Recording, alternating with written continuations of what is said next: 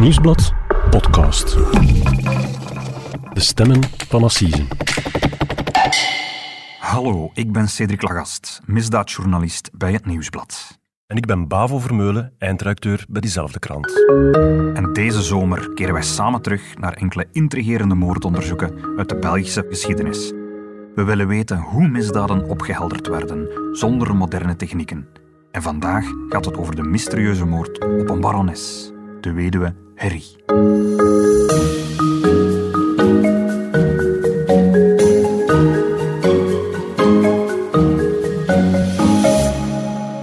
Dag Cedric. Dag Bavo. Cedric, bij justitie is het gerechtelijk verlof begonnen. Dat klopt. Dat wil zeggen twee maanden lang geen assisezaken, maar Dat gaat ons niet tegenhouden, Bavo. We gaan toch iets doen. jij bent je het afgelopen jaar iets beginnen afvragen en je hebt eh, je op een speciaal project gestort. Ja, want we hebben dat ook gezien bij de podcasts die gepasseerd zijn, bij de dossiers die gepasseerd zijn in Stem van Assisen. Alle grote dossiers worden bijna allemaal opgelost in de labo's van de gerechtelijke politie vandaag de dag. DNA, vingerafdrukken, camerabeelden, computers. Bijvoorbeeld, om maar een voorbeeld te geven, de grootste zaak die we gehad hebben dit jaar, de moord op Sophie Meulen, is eigenlijk opgelost omdat er een man met een blauwe jas voor een aantal bewakingscamera's liep. Ja, En bijvoorbeeld Clara Maas, de oudste vrouw die voor Assise kwam, is opgepakt omdat er DNA van haar slachtoffer in haar wagen gevonden was. juist. En dan denk ik ook aan de jeansbroekmoord. Dat is Inderdaad. nog straffer. 30 jaar oude zaak en nu in een stroversnelling geraakt dankzij DNA op een jeansbroek. Ja, en we zouden zo nog een tijdje kunnen doorgaan. Maar ik begon te denken, die dingen zijn er nog allemaal zo lang niet. Camera's, eh, DNA, dat zijn allemaal dingen van heel recent. Hoe werden er vroeger moorden opgelost, voordat al die, al die hulpmiddelen had? En ik ben gaan kijken in de archieven. 100 jaar geleden werden er rookmoorden opgelost. Hoe deden ze dat toen? Kom je aan informatie over eh, moorden van 100 jaar geleden? Wel, als justitie een onderzoek klaar heeft, komt dat voor de rechtbank uiteraard. En daarna verdwijnt dat in een archief. Dan wordt dat afgesloten en dan wordt dat opgeborgen. En dat is je- geheim. Dat is geheim, daar mag je niet mee bij. Maar na 100 jaar kan het parket-generaal die dossiers vrijgeven. Om de historisch belang ervan. En ik ben in een aantal archieven overal gaan, gaan zoeken naar die dossiers. Ik ben die gaan inlezen en ik heb er toch vijf gevonden, vijf uitgekozen, waarvan ik denk dat we er toch veel van kunnen leren. Fascinerend. Ja, het eerste gaat hierover. Ene barones vermoord te Elsene. Ene vreselijke misdaad bracht gisteren de gemeente Elsene in opschudding. Er wordt te Brussel en omtrek over niets anders gesproken dan over ene vreselijke misdaad in geheimzinnige omstandigheden te Elsene gepleegd. Ene oude, schatrijke dame, barones Harry, is in haar bed vermoord gevonden. Het lijk droeg aan den hals sporen van verwurging en aan het hoofd was ene wond zichtbaar. Ene kas was opengebroken en een ijzeren geldkoffer dat aan de bodem was vastgemaakt met vijzen, was gestolen. Cedric, ik begrijp al direct waarom je deze zaak gekozen hebt. Een vrouw van adel en een verdwenen kluis. Zelfs vandaag zouden we daar pagina's voor vrijmaken in de krant. Je voelt dan alles een spraakmakende zaak. Ja, en dat was toen ook zo. Dat kreeg toen ook heel veel aandacht in de krant. Want Wat we net hoorden, dat geluidsfragmentje, was eigenlijk een, een krantenartikel uit de krant van toen, uit de krant Het Handelsblad. Een krant van 26 april 1896. Dat is de dag nadat het, het lichaam gevonden werd. En om het even te schetsen, het, het gebeurt allemaal in Brussel. Op, op Brussel op het einde van de 19e eeuw. Dat was toen een heel andere stad dan hoe we ze vandaag Uiteraard, kennen. Ja, er woonden maar half zoveel mensen. Je had ook geen hoge flatgebouwen en zo. De, de straten waren ook niet eh, zoals je ze nu kent. Er reden amper auto's. Dat was eigenlijk één groot dorp. En als er een moord gepleegd werd, dan babbelde dan ook de hele stad daarover. Talk of the town. En dit, dit was ook wel echt een heel mysterieuze moord. Ja, dat lijkt me ook wel. En het slachtoffer, weet je daar nog meer over? Wel, dat was de 73-jarige Delphine Angelica Boré. En het opmerkelijke was, ze woonde niet alleen in dat huis. Ze woonde er met haar volwassen zoon, met twee dienstknechten, een dienstmeid ook, en drie honden. In een statig herenhuis, vlakbij de Chique Louise-laan in Brussel. Dat is nog altijd een begrip, denk ik. Eh, En bovendien was dat huis ook altijd goed afgesloten. Dus de, die andere mensen die daarin wonen gaan dat later vertellen. Ze stond er ook elke avond op om zelf te controleren of de voordeur wel goed op slot was. Dat alles wel goed afgesloten was. En dan toch in een huis vol bewoners en honden slagen daders erin om de eigenares om te brengen. Ja, ze slagen erin om binnen te dringen.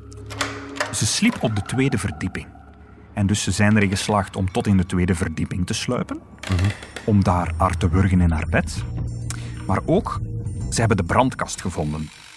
Ze had al haar bezittingen, die bewaarde ze eigenlijk in de brandkast, in een kast in haar, eh, In haar slaapkamer. in haar slaapkamer. En dat was echt een brandkast. In het artikeltje hebben ze het over een ijzeren geldkoffer, maar dat was echt een brandkast van 80 kilo oud. En ze hebben die niet open gekregen. Het sleuteltje lag eigenlijk gewoon op de schouw van haar kamer, maar ze hebben dat sleuteltje niet gevonden.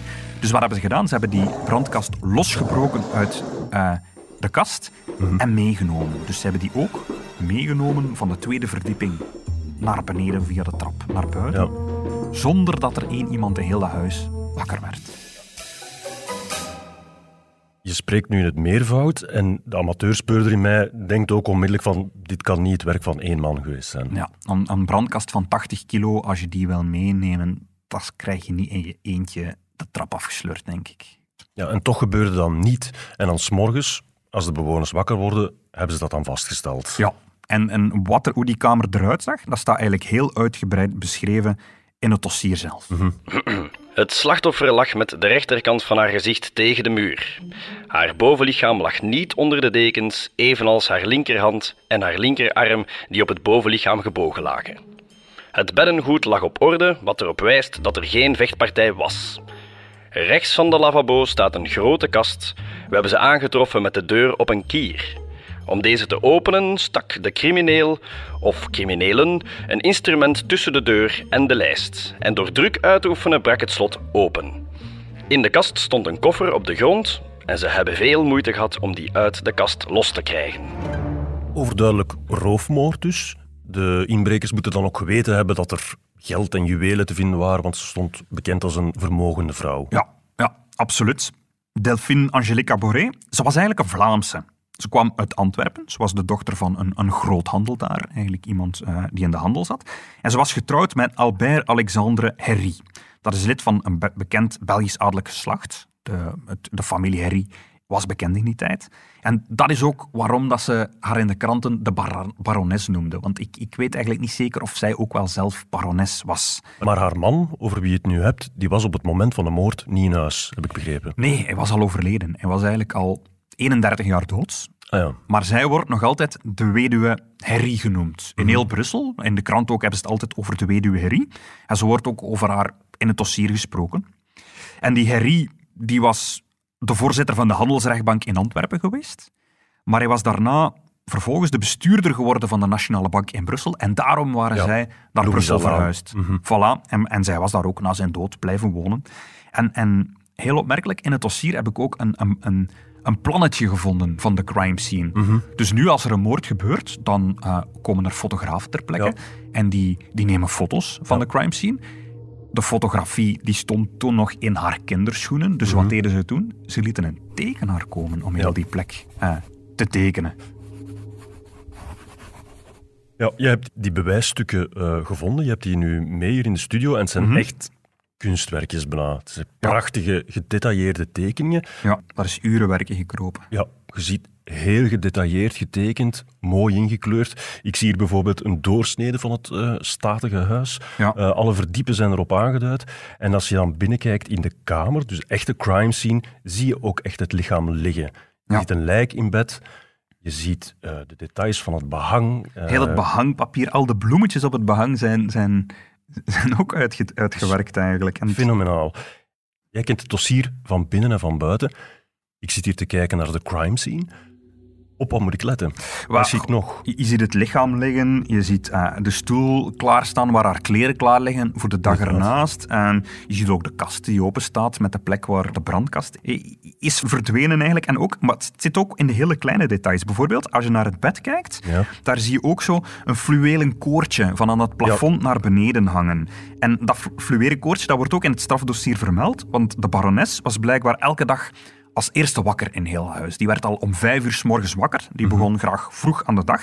En dat trok ze aan dat koordje, waardoor dat er helemaal boven in het huis, boven op de zolderkamer, een klein belletje begon te rinkelen in, het, in de kamer van de dienstmeid. En die wist dat, ah, het is vijf uur, de barones is wakker, ik moet opstaan, ik moet naar beneden om ehm, de, de weduwe Herrie te helpen met haar kleren aan te doen. Maar op Maar- die bewuste dag geen belletje. is het belletje niet gegaan. En dus die dienstmeid ehm, die wordt plots om zes uur met een schok wakker. Ze kijkt op de klok, het is al zes uur. Ze heeft zich overslapen. Ze doet snel haar kleren aan. Ze loopt naar beneden, naar de kamer van haar, van haar meesteres, waar ze denkt, oei, ik ga hier onder mijn voeten krijgen. Ik heb het belletje niet gehoord. Ja. Ze doet de deur open en ze vindt haar bazin. Ze ziet wat wij nu zien op die gerechtelijke tekeningen. Ze ziet haar bazin dood in haar bed liggen.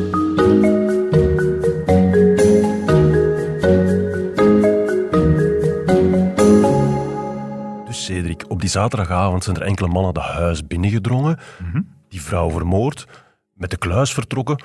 Als zoiets vandaag gebeurt, komt er onmiddellijk een heel team op af. Vingerafdrukken, DNA enzovoort. Ja, forensisch onderzoekers in witte pakjes en zo, ehm, die zouden elke vingerafdruk in die kamer onderzoeken. Toen werd dat nog niet gedaan, hè, Nee, want en dat- stond nog niet. En dan komen we bij de core eigenlijk van, van de podcast. We willen weten, hoe deden ze dat toen wel? We hebben de tekeningen gezien van de crime scene. Maar verder, wat dan? Wel, het onderzoek was in handen van een 31-jarige commissaris, Joseph Garot. En het eerste wat dat Garot deed, was eigenlijk elke Brusselse koetsier aan de tand voelen. Ja. Koetsiers, waarom? Opmerkelijke beslissing. Maar zijn redenering was, die brandkast. Die brandkast die was 80 kilo. Het is al verbazend dat je die van de tweede verdieping naar beneden kunt sleuren. Ja, maar laat staan dat je ermee over straat kan wandelen. Voilà, dan sta je daar beneden voor dat huis aan de Louisalaan met die brandkast. Wat dan? Ze hebben die ook ergens meegenomen. En dus we wisten, hier moet iemand aan te pas gekomen zijn die paard en kar heeft. Voilà, want nu zou je misschien die in je auto of in je camionet kunnen slepen en wegreden. Auto's die waren er in 1896 amper. De verbrandingsmotor die was eigenlijk vier jaar eerder door Rudolf Diesel eh, op punt gezet. Er reden nog amper auto's eh, in Europa of in Brussel. Alles gebeurde eigenlijk met, eh, met paard en kar nog in En dus die mannen waren allemaal verdacht. Of mogelijke verdachten.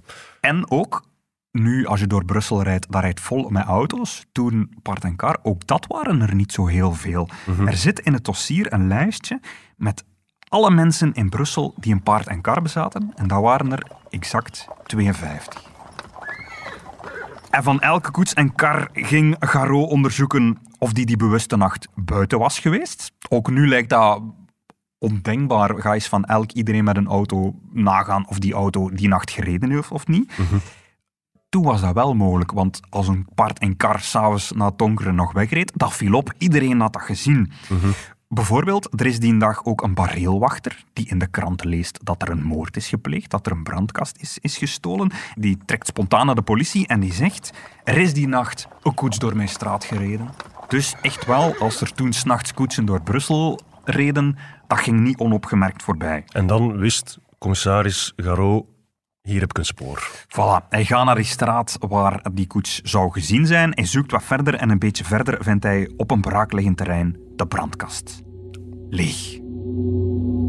Ze zijn te laat. Ze zijn te laat, ze zijn er toch in geslaagd om die brandkast open te breken. En wat moet erin gezeten hebben? Geld. De weduwe Rie was rijk, maar ze was ook heel zuinig. Ze leefde heel zuinig. En de politie gaat eruit dat er zo ongeveer 30.000 Belgische franken in moeten gezeten hebben. En dat is vandaag zal dat een veelvoud zijn. Ja, voilà, dat was toen een fortuin uiteraard. Hè. Zit de commissaris op dat moment dan op een dood spoor of had hij nog andere ijzers in het vuur? Wel, zijn onderzoek naar de koetsiers leverde hem wel de brandkast op, maar niet de moordenaar. Maar waarmee hij dan wel de doorbraak kon forceren is een robotfoto. En dat is dan op basis van die bareelwachter die vertelt... Nee, nee. Want wat gebeurt er? Op dinsdagochtend, twee dagen na de moord, stapt er een wisselagent de Brusselse beurs binnen. Je kent dat gebouw, dat staat daar nog altijd met die hoge trappen langs de Anspaglaan. En die wisselagent die biedt een paar waardepapieren aan, obligaties van de spoorweg. En bij de, bij de bediende gaan de wenkbrauwen omhoog, want de politie was eerder al langsgekomen met alle nummers van obligaties die toen gestolen waren bij de weduwe. En die obligaties die hij in zijn hand heeft, dat zijn een enkele van die obligaties die gestolen zijn, die in de kluis zaten. Dus de politie wordt erbij gehaald en die, die wisselagent zegt dat hij die papieren gekregen heeft van een klant die op zondagmorgen, dus al enkele uren na de moord, in zijn wisselkantoor was binnengewandeld en die had zich voorgesteld als kapitein-commandant Lefebvre van het Belgisch leger. En hij wou dat geld wisselen omdat hij zogezegd in Gent voor 5000 frank aan paarden wou gaan kopen. Hoe hij eruit zag. Eh, het was een welgeklede heer, eh, ongeveer 40 jaar oud en volledig in zwart gekleed. Eh, hij droeg een bolhoed, dat weet ik ook nog, en een halsdoek plastron. Eh, en hij had een bruine baard in een punt geknipt. Eh, verder had hij kort haar, maar toch nog lang genoeg opdat het zich een lichte scheiding aftekende langs de ene kant van zijn hoofd. Maar het was een man met deftige manieren, dat wel, hè, die zich met groot gemak uitdrukte. Wat een fantastische persoonsbeschrijving eigenlijk. Op basis van die informatie ehm, is dan ook die pentekening gemaakt, die robotfoto. Ja, ja een pentekening. Hè. En dat levert meteen resultaat op, want die tekening wordt direct naar alle Brusselse politiekantoren gebracht. Wie kent deze man, uiteraard? In de Brusselse wijk De Marollen zijn er twee agenten die die tekening zien. Renard en Van der Wee heten die. Ze krijgen die tekening onder ogen en ze vallen stil. Ze herkennen hem. Ja, ze kennen de man op de tekening. Maar het is geen boef die ze al vaak hebben opgepakt of een bankrover waar ze al, al veel mee te maken hebben. Ze kijken naar de tekening en ze herkennen hun eigen vroegere baas. Oh, Commissaris Alexandre Courtois. Een flik. gewoon een collega. Een flik, een agent en niet zomaar een flik, maar een superflik. Courtois was een van de bekendste politiemannen van Brussel van die tijd.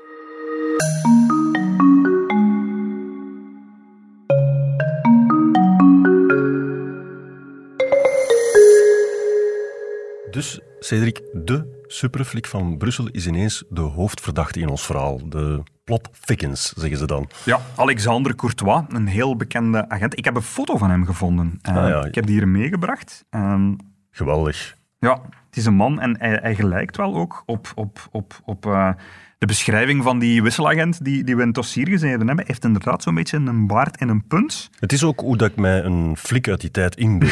Ja. Een beetje de, de, de flik van Quick en Flupke. Hè? Stevige snor. Forse snor. Ja.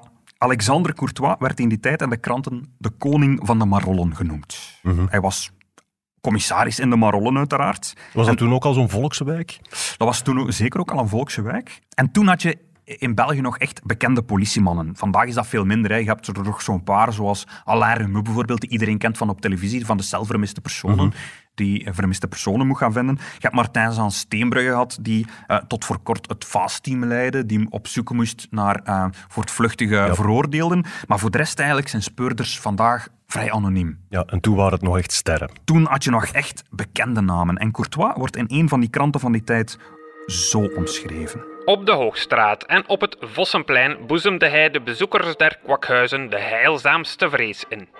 In de woelige buurten waar uw hoedanigheid van vreemdeling voldoende is om een ranseling op te lopen, staken de pinnenmoesjen, de zonnekloppers en andere felle kadeeën deemoedig de schuit van kant als Sander Courtois opdaagde. Courtois was hun nachtmerrie. In de dikke luis, de glazen kat en het lopend kraantje wordt bestendig gerecht gehouden over zijn lot, gelijk weleer bij de Egyptenaren over het lot der afgestorvenen. Opnieuw die prachtige, beeldrijke taal. Eh, er zijn wel een aantal dingen die ik niet ken. We zijn kwakhuizen. Dat zijn cafés, denk ik. En eh, hij heeft het ook over eh pinnenmoesje. Pinnenmoesje, zonnekloppers, de felle. Ik denk dat hij daar de onderwereld mee bedoelt. hè. De boefjes. De, de boeven van de, van de Marollewijk. Ja. Ja. En die ster van de Brusselse politie. Weten we daar nog meer over? Het is een Vlaming. Hij is afkomstig uit Oostende. Zijn vader was daar eh, brigadier bij de gendarmes. En eh, zoon Courtois zelf had in Brussel naam gemaakt bij de politie, omdat hij verschillende mysterieuze moorden had kunnen oplossen. Dat had ook heel veel aandacht gekregen in de kranten. Onder meer de moord eh, binnen een, een, een ministerie. Bij een politiek kabinet. Daar was eh, de ene ambtenaar vermoord door, eh, door, door zijn overste. Hij had dat kunnen oplossen. En hij had ook de bekende Brusselse dief Pierre Doze kunnen ontmaskeren. En Pierre Doze, dat was een bekende dief in die tijd. En die had de bijnaam Pietjesnot. Grappig. Ja, En die Courtois, die held van de Brusselse politie, eh, hoe is hij dan op, op dat foute pad terechtgekomen? Wel, hij was eigenlijk op dat moment eigenlijk al geen commissaris niet meer. Hij Ah, was, eh, een jaar eerder was hij al in opspraak gekomen. Eh, nadat iemand had ontdekt dat hij een proces verbaal had vervalst. Ah, ja. Daar werd toen ook al heel veel gewicht aan gegeven. Dat werd toen ook al als heel erg not done ervaren. Wat was er gebeurd? Er was een zakkenroller opgepakt. En Courtois had het proces verbaal vervalst, waardoor dat die zakkenroller was vrijgekomen en waardoor iemand anders onschuldig was veroordeeld. Dus eigenlijk was dat toen al een beetje aan het tekenen aan de wand, een beetje een dirty cop. Ja, voilà, voilà. Hij was niet onbesproken.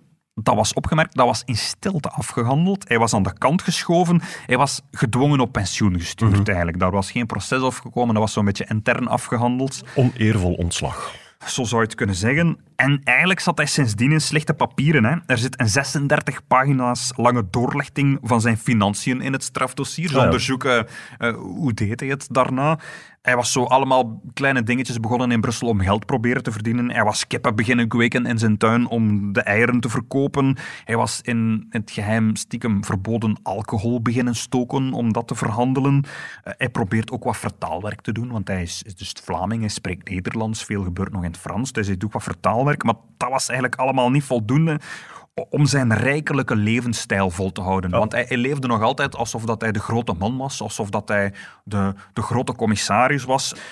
Zijn pensioen is 110 frank per maand, staat erin. Maar hij maakt reisjes naar Parijs en hij koopt wijn. Veel wijn. Niet per fles, zoals wij wijn zouden kopen, Bavo, maar van eerste keer een volledig vat wijn.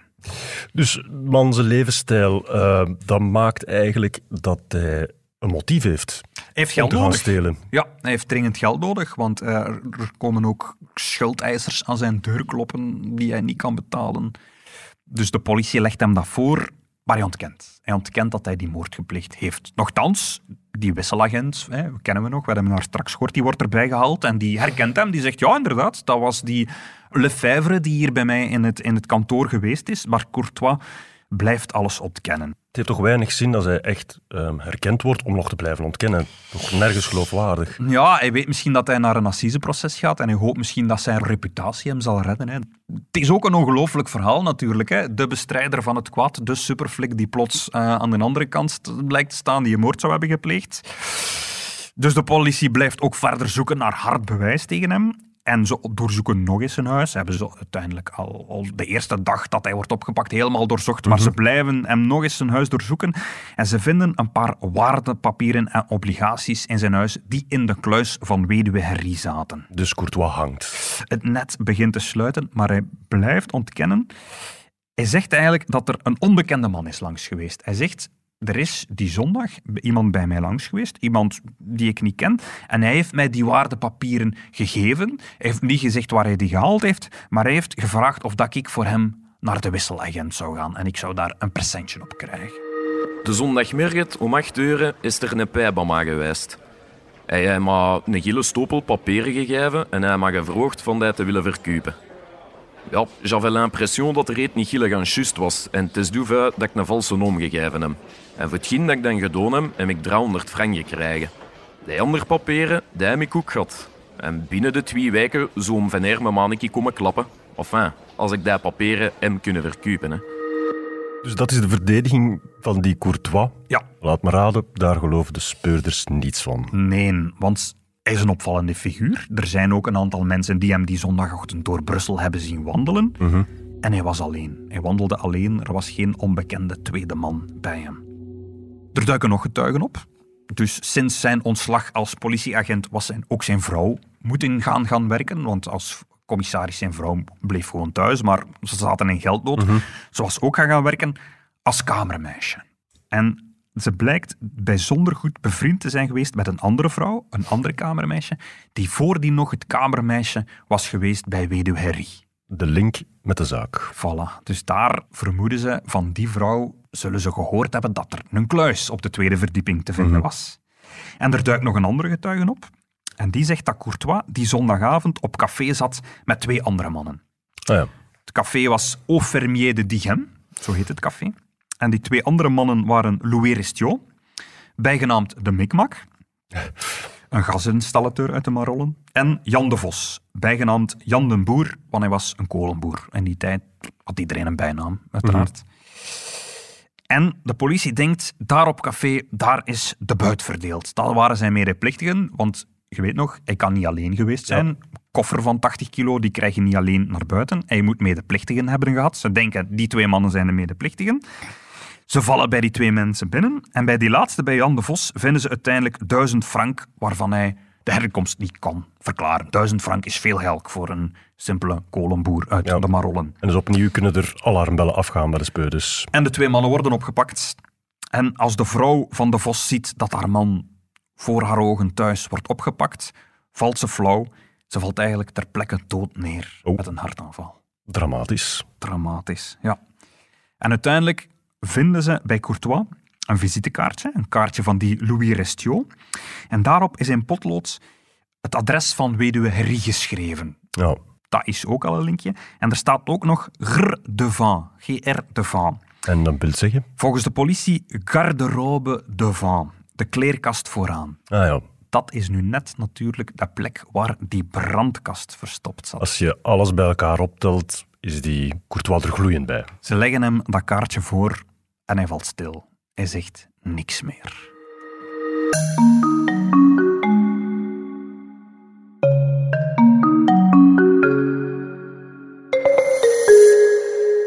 Cedric, er zijn nu drie verdachten opgepakt voor de moord. Ja. Eh, maar ik veronderstel, Courtois wordt dan beschouwd als het brein.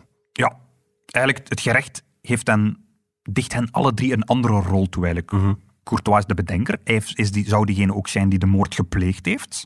Restio is dan zijn rechterhand. Van hem zeggen ze dat hij de brandkast heeft opengekregen. Dat was zijn specialiteit een beetje. En de Vos, de kolenboer, is degene die met de handkar de brandkast zou hebben komen halen. Je weet nog, het grote mysterie, waar is die kar naartoe? Alle koetsiers ondervraagd, niemand eh, wist van iets. De buren van de Vos worden ondervraagd en die zeggen, ah, dat is vreemd, die bewuste avond is hij om tien uur nog met zijn handkar vertrokken. Dat is vreemd, want een kolenboer die gaat om tien uur s'avonds geen kolen niet meer verkopen. En het gerecht denkt, ah, is met die kar de brandkast gaan gaan halen. En ze gaan samen terecht staan voor assise. Hè. Maar op dit moment zwijgt Courtois. Ja, Maar dat zal hem niet langer kunnen doen en zal zich moeten verantwoorden. Hij zal voor die- assisen moeten komen en hij zal het daar moeten gaan uitleggen wat er die dag gebeurd is. Zijn proces begint al op 10 maart 1987. Dat is tien maanden na de moord. Dat is vrij kort eigenlijk. Nu Dat halen we tegenwoordig niet. Nee, nu duurt het soms jaren vooraleer dat een zaak voor assise komt. Dat assiseproces zal drie weken duren. Dat is lang en dat is ook heel atypisch voor toen. Toen werden assiseprocessen vaak op één dag afgehandeld. Dat is snel. Dat is snel. Er worden 236 getuigen opgeroepen. Dat is heel veel. En er elke dag zitten er tot 500 mensen in de zaal. Gebeurde vaker toen of ging het echt nu om die figuur Courtois? Het is Dat echt die figuur Courtois, de superflik die voor assise komt. Iedereen wordt daarbij staan. Dat wordt dan zo in de kranten omschreven. Om 8 uur s morgens krioelt het al van nieuwsgierigen op de Poelaardplaats voor het gerechtshof. In de wandelzaal van het gerechtshof is het al even druk. Daar staan advocaten, dagbladschrijvers en nieuwsgierigen voorzien van uitnodigingskaarten ongeduldig te wachten tot de portier van dienst de deuren der zaal van het eetgerecht komt openen. Daarna is het de beurt aan het gewoon publiek. Rapper als ik dit papier beschrijf, zijn al de plaatsen ingenomen en reizen uit alle hoeken en kanten klachten omdat ze niks kunnen zien. En daar is nog niks te zien. Courtois komt ook de zaal binnengeleid. Iedereen kijkt naar hem natuurlijk. Hij is helemaal in het zwart gekleed. Hij heeft een dikke winterjas aan met een bontkraag, zwarte handschoenen aan. En hij zal zijn hele proces volhouden dat hij niks, maar dan ook niks met die moord te maken heeft. Wat hebt u die nacht dan wel gedaan? In Dallepout zijn ik een vrouw tegengekomen en die heeft me ongesproken met Alla show. Ik heb een hele tijd met jou op een bankje gezeten, tot 1 uur 's mergens. En was dat een oude kennis? Of een lichte kooi? Een kennis, hè. Uh, maar uit eerbeet voor haar familie ga ik haar noem naar niet noemen, hè. En op een bank? Het was nogthans heel koud die nacht. Ik zweer al dat ik niet in mij gedaan met geen dat ze van mij beschuldigen. Wat dat er ook met mij gaat gebeuren, nu het van zijn lijve niet, ga ik de noem van die vrouw noemen.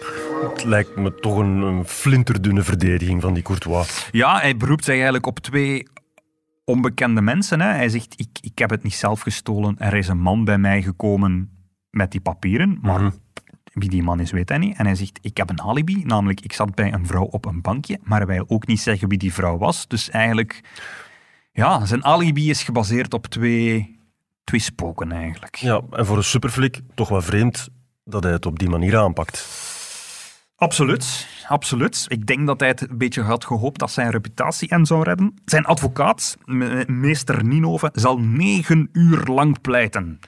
Zelfs chef Romassen pleit geen negen uur aan een stuk, denk ik. En wat is zijn punt? Wat Wel- probeert hij uit de brand te slepen? Hij stelt dat de hele zaak eigenlijk een afrekening is met de populaire commissaris. Hij zegt dat eigenlijk de commissaris zo'n goede flik was dat al, al die mensen die hij ooit eh, iets misdaan heeft, nu met hem komen afrekenen. Courtois wilde de Marollenwijken dwingen, zegt zijn advocaat, onder zijn hiel houden. Zie daar de oorsprong van de haat die tegen hem is opgehoopt. De haat spruit voort uit de beoefening van zijn ambt. De blijdschap waarmee het volk een hoge prinses ziet vallen in schande, of een koning hoort verwijten dat hij aan menselijke driften onderhevig is, hij heeft er velen doen veroordelen. Die willen nu hun weerwraak. En hij eist de vrijspraak voor Alexander Courtois. Dat klinkt als een heel bevlogen en ook bloemrijk pleidooi. Ze gaan echt voor alles of niets. Ze gaan all in. Het is geen verzachtende omstandigheden, geen details. Nee, hij is een goede flik. Het is helemaal op zijn reputatie. Hij moet vrijgesproken worden. En hoe valt het bij de jury? Het mag allemaal niet baten, Bavo. De jury is er heel snel uit. Op die dag staan er 2000 mensen voor het gerechtsgebouw. Staat er in de kranten van toen. In de krant staat dat er in de Marollen die dag niet gewerkt wordt. Iedereen is weg uit de Marollen. Staat aan dat gerechtsgebouw. Iedereen wil weten wat er gaat gebeuren met Courtois. De jury wordt binnengelaten en Courtois wordt schuldig bevonden. En hij wordt veroordeeld tot de doodstraf. Een roemloos einde voor eh, die superspeurder. Ja, de grote held is van zijn voetstuk gevallen. Hij, hij, hij krijgt de doodstraf. Hij zakt ook in elkaar uit het beschuldigenbankje. Hij begint te huilen en hij moet eigenlijk door een rijkswachter op de rug huilend naar buiten worden gedragen. Hij, hij kan niet meer stappen, hij kan niet meer wandelen. Heel Brussel ziet hoe hij daar als een, als een kind eigenlijk op de rug van een rijkswachter naar buiten wordt gedragen. Het volk wilde theater en kreeg wat het vroeg. Ja, en zijn twee companen Louis Restio, die wordt ook veroordeeld tot doodstraf. Maar er is nog een verrassing. Jan de Vos, de kolenboer, die wordt vrijgesproken. De man met de stootkar. Ja, die wordt vrijgesproken. Die mag de zaal als een vrij man verlaten. Die wandelt gewoon naar buiten. En ehm, je, je kent het gerechtsgebouw, het Justitiepaleis in Brussel. Dat staat heel bo- hoog boven de Marollen eigenlijk. Nu is daar zo'n liftje om naar beneden te gaan. Maar toen waren nog gewoon trapjes. Dus hij wandelt het gebouw in. Hij gaat met de trapjes naar beneden, naar, naar de Marollen. En hij vindt daar een volksfeest. Heel de Marollen staat op zijn kop. Alle cafés zitten vol. Het is feest in de Marollen. De gewone man is vrijgesproken, de superfrik. Dat is een beetje wat er speelt, denk ik. Want hij was een populaire superflik, maar niet bij iedereen natuurlijk. Er zijn altijd twee kanten aan de medaille. Hij was populair geworden in Brussel omdat hij veel mensen oppakte, maar dat waren natuurlijk de bewoners van de Marollen. Hè. Ja, dat was dan eigenlijk ook het pleidooi van die advocaat. Hij is te streng geweest voor die mensen en daarom willen ze wraak. Voilà, voilà. En ze krijgen dan toch nog hun wraak, want hij wordt veroordeeld. Ehm, dat wordt ook heel mooi in de kranten van toen beschreven. De kroegen en staminees zijn met een joelende menigte gevuld en er wordt dapper gedronken op de vrijspraak van een zoon van de Marollen. Jan de Boer is heel populair in de wijk. Gestio daarentegen wordt aanzien als een stoever en een hovaardige en de loensche wijze waarop zijn handel vooruitkwam lokte veel commentaar uit. Wat tussen pot en pint over Courtois gezegd wordt, daar zullen wij liefst overstappen. Als de vos in de Menslievendheidsstraat verschijnt, wordt hij als een overwinnaar die van het slagveld weerkeert, begroet. En het verhaal, Bavo, eindigt nog met een, een, een, een positief einde. Je weet nog dat de vrouw van Jan de Vos dood neerviel toen ze zag hoe daar een man werd opgepakt en meegenomen naar de gevangenis. Wel, drie maanden later schrijven de kranten dat de Vos opnieuw de liefde heeft gevonden. Mooi. Hij hertrouwt met Fanny, de herbergierster van zijn stamkroeg. Prachtig. En Courtois? Courtois wordt opgesloten in de gevangenis van Leuven. Niet in Brussel, want daar zou hij te veel mensen kennen met wie hij in het verleden al in aanvaring was gekomen, denk ik. Zijn vrouw verhuist met een drie kinderen naar Duitsland. Ze ontvlucht de schande, want in heel Brussel wordt ze nagekeken uiteraard als Ja. de vrouw van de, van de corrupte flik. Courtois zou nooit toegeven dat hij die moord gepleegd heeft. Hij zal altijd blijven volhouden dat hij onschuldig is en hij sterft zeven jaar later, zonder echt te vertellen wat er die dag gebeurd is.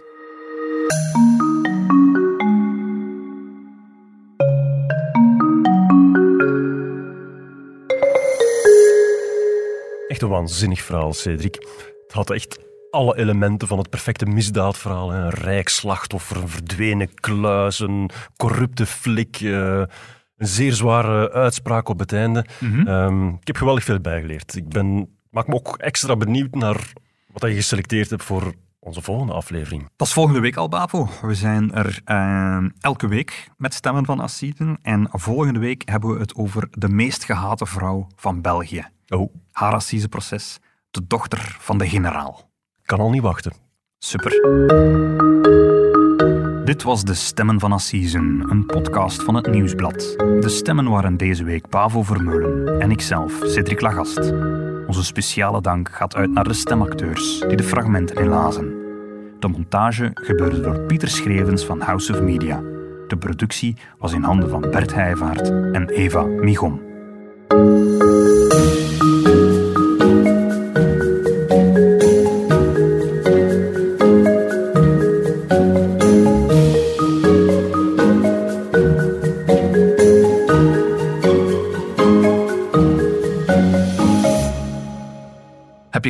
Deze podcast? Weet dan dat het Nieuwsblad deze zomer nog veel meer in petto heeft. Er is Cafépraat, onze nieuwe interviewpodcast, met goede gesprekken tussen pot en pint. Beluister zeker ook de zomerse afleveringen van Slimmer Leven met interessante tips. En tot half juli is er ook onze politieke podcast Het Punt van Van Impe, met onze hoofdredacteur Lisbeth Van Impe. In deze sportzomer zijn er uiteraard ook de Shotcast en de koers is van ons. Kortom, heb je eindelijk tijd om te luisteren? Stem dan zeker af op de podcasts van het Nieuwsblad.